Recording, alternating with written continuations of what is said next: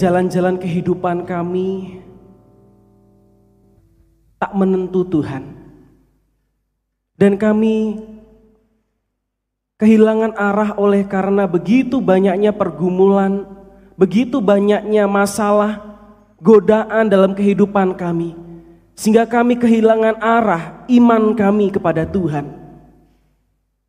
Namun karena firman yang senantiasa terus engkau perdengarkan kepada setiap kami, ketika kami membaca firman di pagi hari, ketika kami mendengar firman di hari sabatmu Tuhan. Dan tiap-tiap waktu kami diperdengarkan firman. Firman itulah yang menguatkan kami dan firman itulah yang meneguhkan kami. Kami melihat bahwa penyertaan pemeliharaan Tuhan untuk kehidupan kami lewat firman-Mu. Oleh karena itu Tuhan, kami butuh firman untuk kami melihat ketika segala sesuatunya tak bisa kami lihat. Rencana Tuhan yang tak bisa kami lihat. Rancangan Tuhan yang tak bisa kami prediksi. Firmanmu menolong kami mengerti apa yang menjadi rancangan Tuhan, apa yang menjadi kehendak Tuhan. Oleh karena itu Tuhan, berikan kepekaan kepada kami melalui firman. Berkati setiap jemaatmu yang ada di rumah, yang mereka mengikuti ibadah secara live streaming, ataupun setiap jemaatmu yang hadir ke gereja. Tuhan berkati setiap mereka. Dan bahkan hambamu yang terbatas ini, Tuhan pakai dan berkati. Sehingga kami sama-sama diberkati oleh Tuhan. Demi Yesus kami berdoa. Amin. Shalom, selamat pagi Bapak Ibu Saudara. Yang di rumah, shalom, selamat pagi. Uh, Bapak Ibu bersyukur hari ini uh, ketika kemarin ya, dari kemarin itu kami mempersiapkan untuk ibadah new normal. Gitu ya. Dan kami mencoba men-flashback sebenarnya kami sudah satu tahun ya kurang lebih satu tahun yang lalu kami juga mempersiapkan ibadah live streaming. Dan dalam pekan ini kami juga berjuang mempersiapkan ibadah new normal. Bapak Ibu Saudara kadang-kadang tidak terpikirkan, tidak terprediksi untuk kita apa sebenarnya akan terjadi di depan sana. Yang tiba-tiba di bulan Maret kita, dapat kabar dari pemerintah kita Indonesia masuk virus corona. Dan semuanya berubah total. Dan mau tidak mau setiap manusia, setiap instansi harus menyesuaikan secara online. Semuanya tidak terkecuali. Dari dunia pendidikan, bisnis semuanya itu melakukan yang namanya penyesuaian. Ketika sudah berjalan-berjalan dan hampir kurang lebih satu tahun, ya kita juga menyesuaikan kembali hidup normal. Tetapi normal yang baru tidak seperti yang dulu. Dan itu juga membutuhkan sesuatu hal yang tidak mudah. Kita harus berjuang. Ketika kita bisa ibadah Bapak Ibu Saudara yang ada di gereja yang masih di rumah jangan khawatir kalau masih Rindu, harapan saya bukan masih rindu, tetapi memang rindu untuk datang ke rumah Tuhan beribadah. Dan saya yakin itu, seperti halnya Bapak Ibu Saudara yang ada di tempat ini. Bapak Ibu Saudara, ketika itu menjadi sebuah pergumulan bagi setiap kita, dan kita harus mengikuti, harus mau tidak mau menyesuaikan. Dan kita harus siap untuk hal itu. Itu ya. Nah, Saudara yang terkasih di dalam Tuhan, hari ini saya juga mau sampaikan. Bapak Gembala ada salam hangat dari Bapak Gembala yang tidak bisa hadir pagi ini karena ada pelayanan di tempat lain.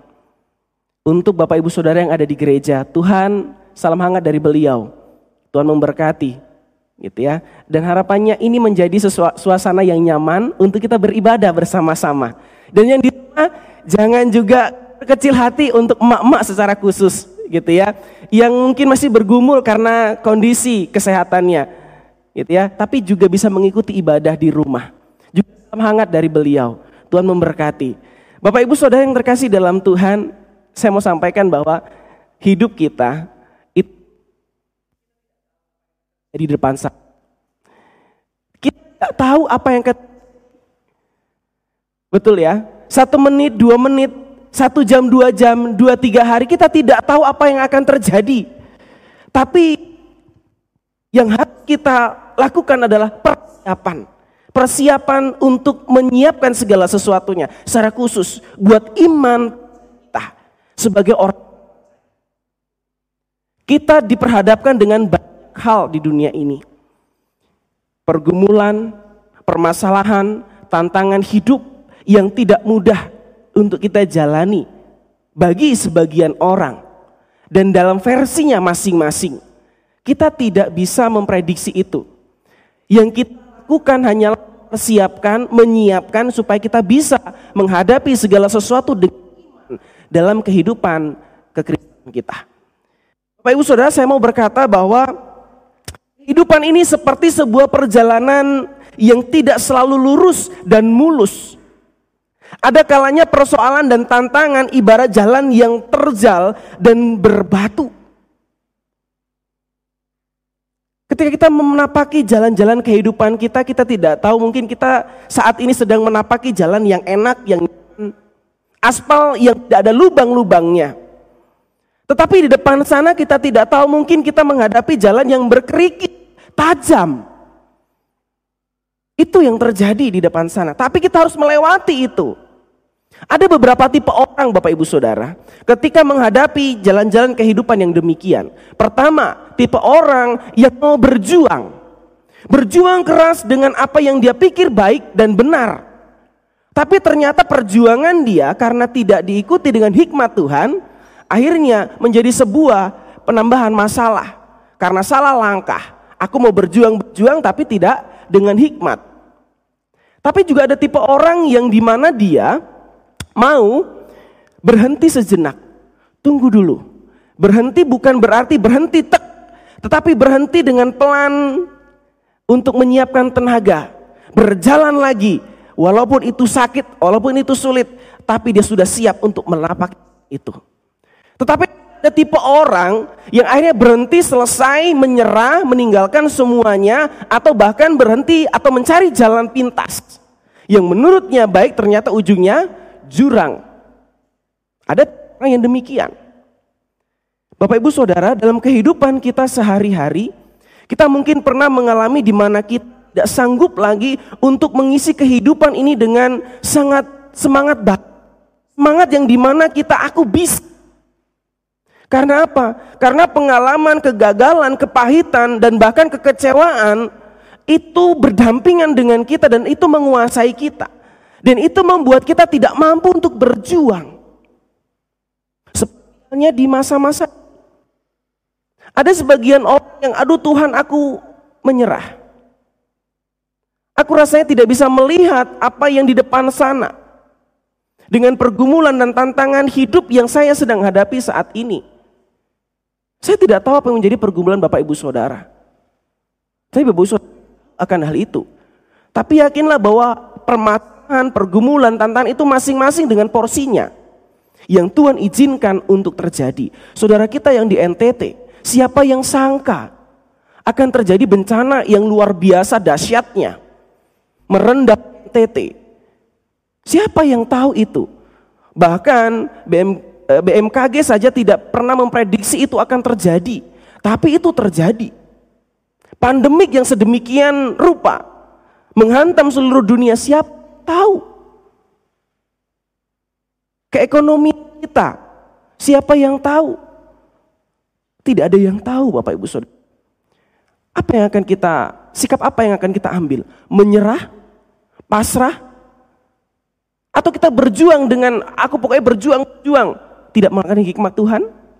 Atau kita berhenti sejenak untuk mempersiapkan diri, kita melangkah ke depan. Seperti halnya Bapak Ibu dari kisah dua sahabat dalam Injil Lukas 24 ayat 13 sampai ayat yang ke-21. Kisah ini sering kita dengar. Di dalam momen-momen Paskah atau setelah Paskah kita kisah ini. Lukas pasal 24 ayat 13 berkata demikian. Pada hari itu juga dua orang dari murid-murid Yesus pergi ke sebuah kampung bernama Emmaus yang terletak kira-kira 7 mil jauhnya dari Yerusalem dan mereka bercakap-cakap tentang segala sesuatu yang terjadi. Ketika mereka sedang bercakap-cakap dan bertukar pikiran, datanglah Yesus sendiri mendekati mereka, lalu berjalan bersama-sama dengan mereka. Ayat 16. Tetapi ada sesuatu yang menghalangi mata mereka sehingga mereka tidak dapat mengenal Dia. Yesus berkata kepada, mereka, "Apa yang kamu percakapkan sementara kamu berjalan?" Maka berhentilah mereka dengan muka muram. Seorang dari mereka namanya Kleopas menjawabnya, Adakah engkau satu-satunya orang asing di Yerusalem yang tidak tahu apa yang terjadi di situ pada hari-hari belakangan ini? Katanya kepada mereka, apakah itu? Jawab mereka, apa yang terjadi dengan Yesus orang Nazaret? Dia adalah seorang nabi yang berkuasa dalam pekerjaan dan perkataan di hadapan Allah dan di depan seluruh bangsa kami. Tetapi imam-imam kepala dan pemimpin-pemimpin kami telah menyerahkan dia untuk dihukum mati dan mereka telah menyalibkannya. Ayat 21. Padahal kami dahulu mengharapkan bahwa dialah yang datang untuk membebaskan bangsa Israel dan lain sebagainya. Bapak Ibu Saudara yang terkasih dalam Tuhan, cerita ini sering kali kita dengar. Cerita ini menjadi sebuah cerita setelah Paskah apa yang terjadi dalam kehidupan para murid-murid. Apa yang terjadi Bapak Ibu Saudara? Yang terjadi adalah benturan keras antara harapan dengan kenyataan. Impian masa lalu dengan kenyataan di hari ini. Bapak Ibu yang terkasih di dalam Tuhan, benturan-benturan itu terjadi dalam kehidupan kita juga. Apa yang kita harapkan impikan tidak sesuai dengan apa yang terjadi dalam kehidupan kita. Bukankah sering terjadi demikian? Tuhan, aku mau ini, tapi yang terjadi ini. Tuhan, aku berharap ini terkabulkan, tapi ternyata ini yang terjadi. Impian masa lalu dengan kenyataan hari ini juga tidak sama. Kenapa harus terjadi seperti ini? Apa yang baik dengan rencana yang kemarin sebelum sekarang? Patah hati padahal rencana untuk menikah. Gagal panen padahal butuh buat anak-anak sekolah. Bisnis bangkrut padahal anak-anak membutuhkan dana untuk sekolah. Di PHK, dikecewakan karena seorang yang kita percaya ternyata tidak sesuai dengan apa yang kita harapkan. Segala hal yang mungkin membuat kita seakan-akan menjadi orang yang paling bodoh sedunia, yang punya harapan tinggi tetapi kenyataannya nol besar. Pernahkah Bapak Ibu Saudara mengalami hal yang demikian? Apa yang menjadi harapannya ternyata tidak sama yang terjadi dengan harapan itu. Dan kita mulai mempertanyakan mempertanyakan itu. Dan yang terjadi adalah kelesuan. Kelesuan iman kelesuan untuk semangat bekerja. Tiba-tiba pandangan mata kita menjadi gelap. Semangat hancur. Hatinya bertanya, untuk apa kalau begitu saya hidup? Untuk apa kalau yang terjadi demikian aku berdoa? Untuk apa aku rajin gereja kalau yang ternyata terjadi tidak seperti apa yang kuharapkan? Tuhan tidak menjawab doa-doaku seperti apa yang aku harapkan. Harapannya seperti ini yang terjadi demikian. Mungkin itu yang menyebabkan mengapa dua orang murid ini, Bapak Ibu Saudara, memutuskan untuk pulang ke kampung halamannya, ke Emmaus. Mereka harapan sangat tinggi terhadap Yesus. Pribadi yang sangat mempengaruhi hidup mereka dan impian-impian mereka atas apa yang menimpa kehidupan bangsa mereka dan Bapak Ibu Saudara yang terkasih di dalam Tuhan, tetapi yang terjadi nol besar. Yang terjadi adalah sebuah kepupusan pengharapan. Mereka telah letih, sedih, kecewa atas kematian dan bahkan mayat Yesus hilang. Peristiwa yang terjadi pada waktu itu sungguh mengecewakan mereka. Sungguh membuat hati mereka menjadi bingung. Membuat hidup mereka menjadi tidak ada harapan seolah-olah. Akhirnya Kleopas dan sahabatnya itu berjalan pergi ke Emmaus. Dan dalam perjalanan itu dia membincangkan segala sesuatu yang terjadi di sana. Rundingkan, oh mungkin ya, kalau bahasa saya, eh iya ya, dulu kita berharap bisa melepaskan kita dari bangsa penjajahan bangsa Romawi ini. Kehidupan kita pasti akan lebih enak. Dia akan menjadi raja atas kehidupan kita. Eh, ternyata yang terjadi tidak demikian. Kalau menurutmu gimana? Aduh, pasti aku juga kecewa, aku kecewa banget. Harapanku juga pupus akan hal itu. Ya ini dengan bahasa saya mungkin begitu ya. Perbincangan hangat dalam perjalanan ke, Yeru, ke Emmaus waktu itu. Kesedihan itu menyelimuti hati murid-murid dan secara khusus dalam gambaran ini adalah Kleopas dan sahabatnya. Mereka tahu bahwa ada oh di sampingnya waktu itu ketika mereka sedang berdiskusi, berbincang, ada orang yang nimbrung ke situ. Tetapi Bapak Ibu Saudara, mereka tidak sadar. Mereka tahu ada orang, tapi mereka tidak sadar itu siapa. Kemudian Yesus nimbrung, hei kalian ngomongin apa? Gitu ya, mungkin mereka lagi bergosip begitu ya. Bergosip ngomongin Yesus, ngomongin mungkin mayatnya Yesus. Enggak taunya yang diomongin ada di sebelahnya. Itu kan kayak sebuah hal yang konyol begitu. Gitu ya. Saya dengan Ken mungkin gitu ya. Saya sedang berjalan, kemudian saya ngomongin Pak Arman. Oh iya Pak Arman ini loh. Sibuk terus di belakang. Ya. Pekerjaannya juga sibuk banget. Gitu ya. Eh, nggak taunya Pak Arman ada di sebelah saya dan Ken yang sedang digosipin itu. Itu kan sebuah hal yang konyol gitu ya tidak tahu, tidak sadar bahwa Pak Arman yang dibicarakan ada di sebelahnya. Itulah yang terjadi ketika murid dua murid ini melakukan perjalanan ke Emmaus.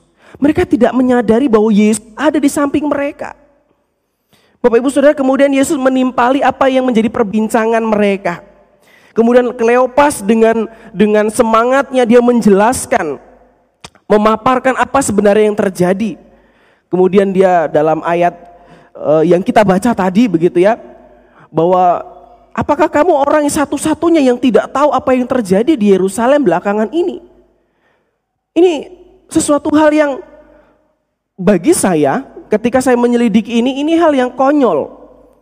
Dia adalah Yesus yang dibincangkan, kemudian dia menjelaskan apa yang terjadi terhadap Yesus. Sedangkan Yesus ada di sampingnya. Karena apa? Karena ada sesuatu hal yang menyelimuti ketika mereka menyampaikan itu. Apa yang terjadi pada Yesus itu adalah sebuah bentuk kekecewaan mereka terhadap apa yang sebenarnya terjadi. Dengan meluap-luap Kleopas menjelaskan itu. Tetapi luapan-luapan itu adalah sebuah luapan kekecewaan. Apa yang sebenarnya sedang terjadi di dalam diri mereka sendiri. Bapak Ibu Saudara yang terkasih di dalam Tuhan. Pupus harapan mereka karena apa yang menjadi harapannya tidak sesuai dengan kenyataan yang terjadi. Padahal Yesus ada bersama-sama dengan mereka. Ketika mereka mengalami sebuah patah hati, kekecewaan, keletihan secara spiritual karena ditinggalkan sang gurunya. Figur yang mempengaruhi hidup mereka Yesus itu menyertai mereka. Yesus ada di dekat mereka. Yesus menyertai mereka namun mereka tidak menyadari kehadirannya. Karena ada sesuatu hal yang menyelimuti yaitu apa? Kekecewaan. Pergumulan hidupnya. Dalam kekalutan, kegagalan, kita sering kali mempertanyakan keberadaan Tuhan bukan? dalam pergumulan kita, dalam masalah hidup kita, sering kali kita mempertanyakan keberadaan Tuhan bukan? Di manakah engkau Tuhan? Mengapa engkau tidak menyertai aku? Justru di saat-saat aku sedang bergumul. Justru di saat-saat aku sedang patah hati. Kemarin diputusin sama pacar. Kemarin ujianku tidak lulus.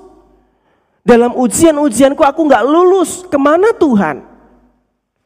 Mengapa engkau meninggalkan aku di saat aku membutuhkanmu? Ke mana dirimu? Engkau tidak dibutuhkan, engkau datang. Ketika aku butuhkan, engkau tidak datang. Bukankah itu sifat manusia? Bapak Ibu Saudara, ada sebuah cerita menarik gitu ya. Ada sebuah cerita begini. Ada seorang anak kecil ya, seorang anak kecil sedang berjalan di pantai. Dan dia dengan iman dan sadar dan tahu bahwa Yesus ada bersama dengan dia. Kenapa? Karena ada dua tapak. Satu tapak kakinya dan satu adalah tapak kaki Yesus. Dia mengikuti tapak-tapak kaki itu. Dia berkata, Tuhan terima kasih engkau selalu ada buat aku. Dia mengikuti tapak-tapak itu. Tapi ketika jalanan itu menuju ke depan, di situ ada kerikil-kerikil tajam dan batu-batu yang besar. Kemudian dia tidak menemukan tapak itu. Kemudian dia begitu panik dan bingung. Kenapa tapak kaki itu yang aku ikutin tidak ada? Ke mana dia? Tuhan ke mana engkau? Kok engkau tidak ada di saat aku butuh bantuanmu, pertolonganmu? Di mana engkau? Kemudian dengan lembut Tuhan berkata, Nak, ketika engkau ada di pasir itu, dengan nyaman engkau menapakin kaki yang ada tapak kaki itu. Tapi ketika ada batu kerikil yang tajam dan batu-batu besar yang menghalangi, aku menggendongmu. Supaya engkau tidak terantuk oleh batu itu. Aku menggendongmu supaya engkau tidak terjatuh di dalam batu-batu itu, pada batu-batu itu, supaya engkau tidak terluka pada batu-batu itu. Bu saudara yang terkasih Tuhan, sering kali kita seperti seorang anak kecil ini. Ketika kehidupan kita nyaman, kehidupan kita baik, kita berkata, Tuhan terima kasih. Engkau baik, engkau baik, engkau sangat baik. Tapi ketika pergumulan kita, tantangan hidup kita, masalah kita, menimpa kita, kita mulai bingung, kita mulai panik. Kita seolah-olah kehilangan arah memutuskan masalah kita, mau menyelesaikan masalah kita, kita bingung harus seperti apa. Bingung karena tidak tahu tuntunan kita. Kehidupan rohani kita diselimuti dengan sebuah kekecewaan karena Tuhan tidak menolong. Diselimuti dengan pergumulan dan tantangan yang terjadi karena yang kita lihat hanya permasalahan saja. Harapan-harapan kita, maunya kita. Kita tidak melihat Tuhan yang sedang menggendong kita. Kita tidak melihat Tuhan yang sedang memapah kita. Nah, tunggu ya. Kamu bisa. Atau biar aku gendong kamu. Biar kamu, kamu enggak. Saudara yang terkasih di dalam Tuhan. Justru malah kita bertanya, kok Tuhan begini sih? Aku tuh maunya begini Tuhan.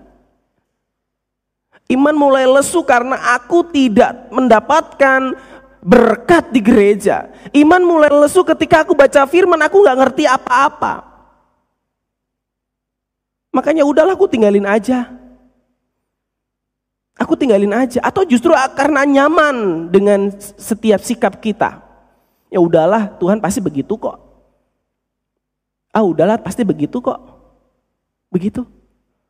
Itu yang terjadi Bapak Ibu Saudara tidak sadar bahwa Tuhan itu ada di sekitar kita, meneguhkan kita, memapang kita, menolong kita.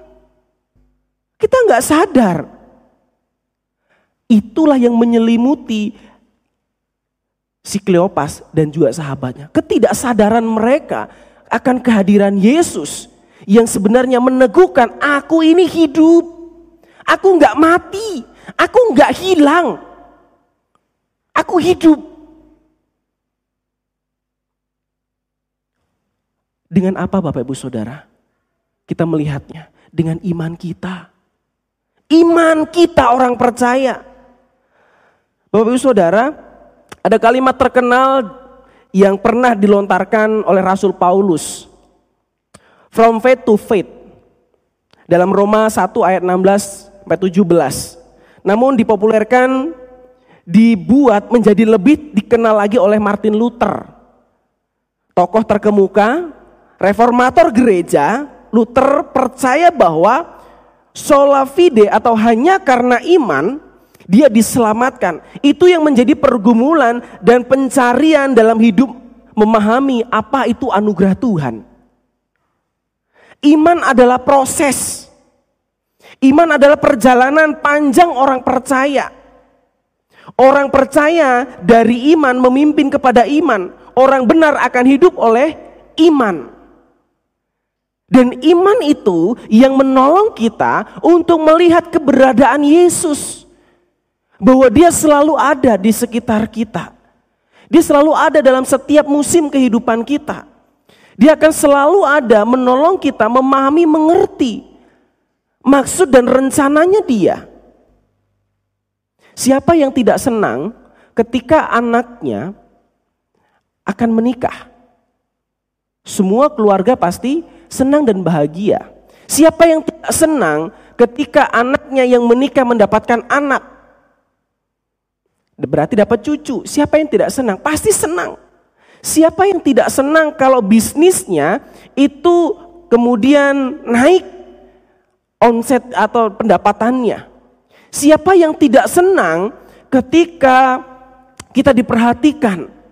Siapa yang tidak senang? Semuanya pasti senang. Harapan-harapan yang menyenangkan itu terkadang membuat kita begitu terbuai sehingga kita tidak bisa lagi melihat dengan iman kita. Ketika diperhadapkan dengan segala sesuatu yang tidak sesuai apa yang kita harapkan, patah. Semangat kita, harapan kita, patah. Bapak ibu saudara yang terkasih di dalam Tuhan. Iman tidak saja seolah bagaimana orang percaya itu harus hidup. Tapi juga terkait erat dengan persoalan hidup dengan perjalanan dan memandang hidup itu sendiri. Hidup benar berarti menaati kehendak dan perintah Kristus. Meneladani dan hidup seperti Kristus itulah hidup beriman. Kadang-kadang kita tidak melihat ini.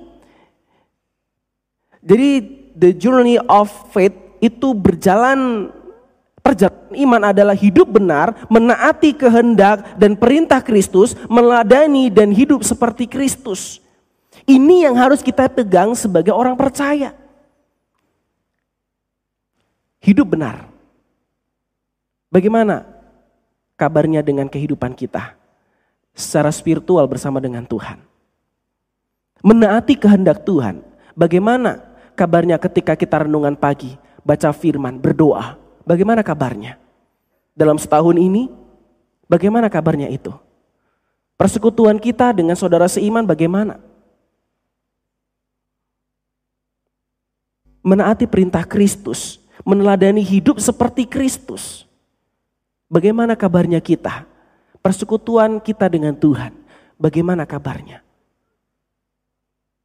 Mulai kendor, mulai jauh, mulai nggak mau berdoa, mulai nggak mau baca firman, mulai nyaman ibadah di rumah saja. Bapak Ibu Saudara saya mau bilang, persekutuan yang Tuhan kehendaki adalah persekutuan yang intim dengan dia dan bersama dengan saudara seiman. Ketika kita ibadah di rumah saja, itu menjadi satu alternatif saja karena masa-masa sulit. Tapi yang Tuhan kehendaki adalah bersekutu bersama dengan umatnya di rumahnya. Oleh karena itu ketika situasi mulai membaik, situasi mulai mulai nyaman dan gereja mulai dibuka, mari kita berjuang bersama Bukti iman kita bahwa kita juga merindukan rumah Tuhan. Mari kita berjuang yang sehat, yang kuat untuk datang ke gereja beribadah. Tapi yang tidak, yang juga belum masuk dalam syarat-syarat, kita ikutin ibadah di rumah karena itu menjadi salah satu alternatif kita untuk bersekutu bersama, tetapi secara live streaming karena menolong ikatan kehidupan rohani kita. Bapak Ibu Saudara, perjalanan kita begitu panjang. Kita tidak tahu apa yang akan terjadi depan sana. Tapi yang saya mau berkata bahwa ayo semangat. Ketika perjalanan berliku, naik turunnya iman kita, itu tidak bisa dipungkiri. Yes, ada naik turunnya iman kita. Tuhan izinkan itu iya. Saya berkata Tuhan izinkan. Tetapi untuk menolong kita makin lebih baik lagi. Bukan makin turun. Tapi justru ketika naik turunnya iman kita. Tuhan Yesus tidak meninggalkan kita. Dia selalu ada di dekat kita bukan? Dia selalu ada meneguhkan kita supaya apa? Supaya ketika ada masalah pergumulan hidup lagi, ya ada Tuhan Yesus ya. Itu yang harus kita pegang. Bukan ketika naik turunnya iman kita langsung jatuh, meninggalkan Tuhan, tidak. Tetapi justru dalam naik turunnya yang Tuhan izinkan, iman kita hadapi. Tuhan mau ketika ke dalam kondisi yang turun. Tuhan engkau ada bersama denganku. Aku bisa melewati ini karena engkau. Bapak ibu saudara yang menarik dari perikop yang kita baca, yang kita renungkan ini Bapak ibu saudara Bukan pada fakta bahwa Yesus telah bangkit kemudian menampakkan diri kepada muridnya, bukan. Kenapa? Sebab sebagai sampai dengan hari ini Tuhan Yesus itu selalu menampakkan diri dalam kehidupan kita, menghadirkan dirinya dalam kehidupan kita dengan kuasanya kepada kita, orang-orang percaya. Yang menarik justru Bapak Ibu terletak pada kejadian di mana kedua orang tadi akhirnya mengenali, menyadari, terbuka matanya bahwa ya ternyata ada Yesus. Itu yang paling penting. Bukan pada prosesnya. Oh ya Yesus mati, menampakkan diri, kemudian Yesus ada di situ memberikan kuasa kepada murid-murid. Bukan. Bagi saya itu bukan itu yang menarik. Tapi yang menarik adalah ketika dalam masa-masa itu, oh ternyata mereka tahu, yes ada Yesus. Lukas 24 ayat 30 dan 31. Waktu ia duduk makan dengan mereka, ia mengambil mengucapkan ber lalu memecahkannya dan memberikannya kepada mereka. Ketika itu terbukalah mata mereka dan mereka pun mengenali dia. Tetapi ia lenyap dari tengah-tengah mereka. Wow. Ini luar biasa banget. Mungkin ketika saya ada di situ, saya juga akan terkejut gitu ya. Ketika Yesus lenyap seketika. Saya tidak tahu saya tidak mau membayangkan hal-hal yang uh, yang melebihi itu gitu ya. Tetapi dikatakan di sini lenyap dari tengah-tengah mereka. Apakah seperti halnya Thanos hilang? Atau seperti apa? Saya tidak tahu. Tetapi itu secara spiritual gitu ya. Mari kita melihat apa yang terjadi Bapak Ibu Saudara efek dari perjumpaan mereka dengan Yesus, perjumpaan Kleopas dan sahabatnya itu dengan Yesus, yaitu apa? Lukas 24 ayat 33a. Lalu bangunlah mereka dan terus kembali ke Yerusalem, di situ mereka mendapati ke sebelas murid itu. Bapak Ibu Saudara, ketika mereka berangkat dari Yerusalem ke Emmaus itu 7 mil. 7 mil, artinya 11 kilometer. Nah, ketika mereka mendapati bahwa mereka sadar Yesus ada, mereka mendapatkan sebuah kayak dicas kembali. Mereka seperti mendapatkan sesuatu hal yang tidak pernah mereka dapatkan. Semangatnya luar biasa. Tujuh mil mereka dari Yerusalem ke Emmaus. Dan ketika itu terjadi, dikatakan firman Tuhan apa? Mereka langsung pergi ke Yerusalem. Artinya 11 mil lagi mereka berjalan kaki. Mungkin mereka lelah bukan? Letih, capek, pegel-pegel kakinya. 11 mil, eh sorry 7 mil atau 11 kilo. Gitu, 11 kilometer. Mereka berjalan kaki bukan naik motor, bukan naik sepeda, bukan naik andong, bukan. Mereka berjalan kaki. Artinya 22 kilometer mereka jalan. Artinya apa Bapak Ibu Saudara? Ketika mereka mendapatkan sesuatu hal yang baru, semangat yang baru, yaitu Yesus bangkit, Yesus hidup. Ada harapan seperti seorang, uh aku dapat harapan baru nih. Yesus hadir, Yesus hidup. Melari mereka, tidak peduli apa pun yang terjadi, secapek apa pun tidak peduli. Yang penting aku bisa ketemu sama dia. Bapak Ibu Saudara, saat harapan dan kenyataan tidak sesuai, saat bahkan bahan bakar semangat kehidupan kita hampir habis, saat kita mulai ragu terhadap kuasa Tuhan, saat kita mulai berpikir, iya ini sangat berat, itu sangat berat, apa pun yang terjadi dalam hidupku sangat berat, dan kita berhenti dan seolah semuanya berhenti, ingat, ingat, Yesus ada menolong kita. Sadar, Yesus ada menolong kita. Walaupun kita tidak tahu, dia menolong dengan caranya, bukan cara kita. Oleh karena itu apa? Jangan kita patah semangat. Tapi kita bangkit ketika kita sadar Yesus selalu ada buat saya. Mungkin saya tidak bisa merasakan secara sentuhan, secara fisik, tapi dia menyentuh hati Bapak Ibu Saudara. Dia akan menolong Bapak Ibu Saudara. Kalau Bapak Ibu Saudara sadar bahwa Yesus ada di situ. Lalu apa yang akan terjadi ketika kita menyadari akan hal itu? Kita menyadari bahwa Yesus ada di situ, dia akan meneguhkan kita. Yesus hadir eh, menampakkan diri kepada Kleopas dan sahabatnya itu untuk apa? Meneguhkan mereka bahwa aku bangkit, aku hidup. Harapanmu nggak pupus, harapanmu nggak selesai sampai di situ. Aku ada meneguhkanmu. Bapak ibu saudara yang terkasih di dalam Tuhan. Apa yang akan terjadi selanjutnya dengan kehidupan kita? Ketika kita masih menyadari kita terus berjuang dalam iman kita sebagai orang percaya, dalam kehidupan duniawi kita. Dan semuanya itu terjadi dalam kehidupan kita. Apa yang akan terjadi? Yuk sama-sama dengan saya aku mau semangat. Berkata dalam hati kita, ayo aku mau semangat. Coba sampaikan bersama dengan saya, aku mau semangat. Kok gak semangat ya? Yang di rumah dan juga di gereja berkata bahwa aku mau semangat. Yesus ada buatku. Yesus menolongku.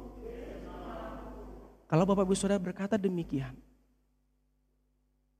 mari Sadari dengan betul bahwa Yesus ada buat Bapak Ibu Saudara dan saya. Apa pun masalahnya, apa pun pergumulannya saat ini. Iman kita boleh namanya naik turun, boleh. Karena itu biasa terjadi bagi kita. Tapi bagi kita orang percaya, hal tidak biasa ketika iman yang naik turun itu kita makin turun. Justru ketika iman kita naik turun di kaliku iman kita, kita makin teguh karena Yesus meneguhkan kita. Yesus ada buat kita. Jangan sampai Tuhan Yesus berkata begini. Di Lukas 24 ayat 25 berkata ini. Hai kamu orang bodoh, betapa lambannya hatimu sehingga kamu tidak percaya segala sesuatu. Mereka tahu. Kenapa? Karena Yesus itu ngomong tentang hidupnya itu bukan setelah kejadian itu kemudian Yesus ngomong enggak. Jauh sebelum itu Yesus sudah ngomong tentang hidupnya apa yang akan terjadi. Dan bahkan para nabi pun sudah menyatakan itu. Bahwa anak manusia harus mati menderita. Semua sudah disampaikan, sudah tahu harusnya. Tapi itulah manusia bukan? Itulah naik turunnya iman orang percaya. Tapi ketika Yesus meneguhkan, justru kita makin naik bukan makin turun. Amin. Bapak Ibu Saudara yang terkasih dalam Tuhan, hari ini mari kita dengan yakin bahwa peristiwa ini bukan hanya sekedar sebuah peristiwa yang terus kita dengar, kita kita renungkan. Tetapi Bapak Ibu Saudara, peristiwa ini akan menolong kita bahwa perjalanan itu menuju menuju sebuah pengharapan yang di mana Tuhan sudah berikan kepada kita dengan yakin aku akan menjalaninya bersama dengan Tuhan. Tuhan hadir di tengah kehampaan, kekalutan, bahkan ketakutan dan kekurang yakinan kita. Ia menghadirkan dirinya di tengah lika-liku perjalanan iman umatnya dan terus berupaya agar kehidupannya itu dapat makin bertumbuh di dalam Tuhan. Bapak Ibu Saudara sering kali masalah atau persoalan menghalangi kita untuk tidak menyadari kehadiran Tuhan dalam hidup kita. Memaknai perjalanan ke Emmaus pagi ini Bapak Ibu Saudara. Mari kiranya Tuhan menolong kita menyadarkan kehadiran Tuhan dalam berbagai kehidupan kita, dalam berbagai peristiwa dalam kehidupan kita yang kita alami, mengalami perjumpaan yang mengubahkan melalui kehadirannya. Lalu perjumpaan yang mengubahkan itu menolong kita menghadirkan Kristus dalam kehidupan kita. Itu yang penting. Jangan sampai kita oke, okay, aku udah mendapatkan pengalaman itu bersama dengan Yesus. Setelah itu selesai.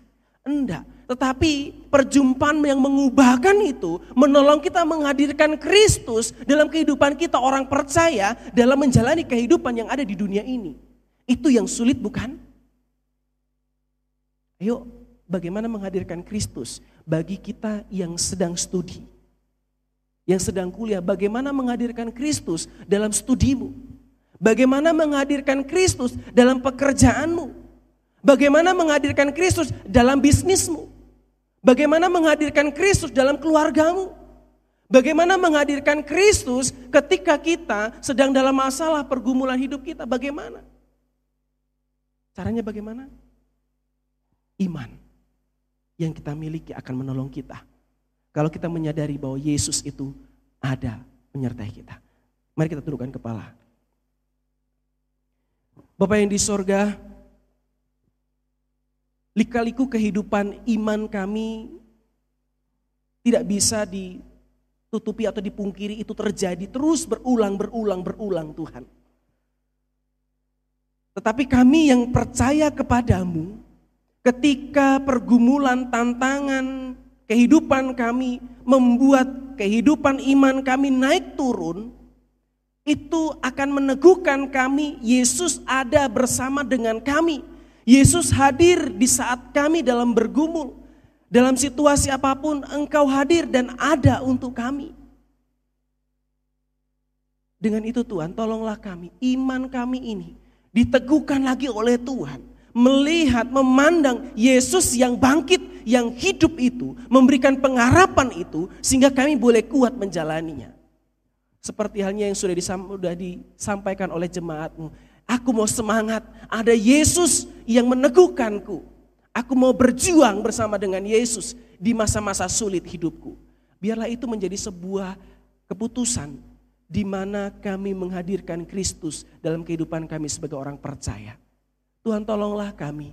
Tolonglah setiap jemaatmu yang ada di gereja ini. Tolonglah setiap jemaatmu yang ada di rumah yang sedang beribadah bersama dengan kami. Dan tolonglah hambamu ini untuk menghidupi firman itu. Yang, mengubahkan kami ini. Tuhan kiranya kami hidup dan menghadirkan Kristus di dalam kehidupan kami. Sehingga jalan-jalan hidup kami seberat apa pun, sesulit apa pun. Karena kami lalui bersama dengan Yesus kami bisa. Tuhan tolonglah kami Firmanmu selesai disampaikan Tuhan. Biar kiranya rohmu yang kudus meneruskan itu. Mengingatkan itu dalam pikiran hati kami. Sehingga firman itu terus meneguhkan kami, menguatkan kami. Terima kasih Bapak di sorga, terima kasih. Dalam nama Yesus kami berdoa. Amin.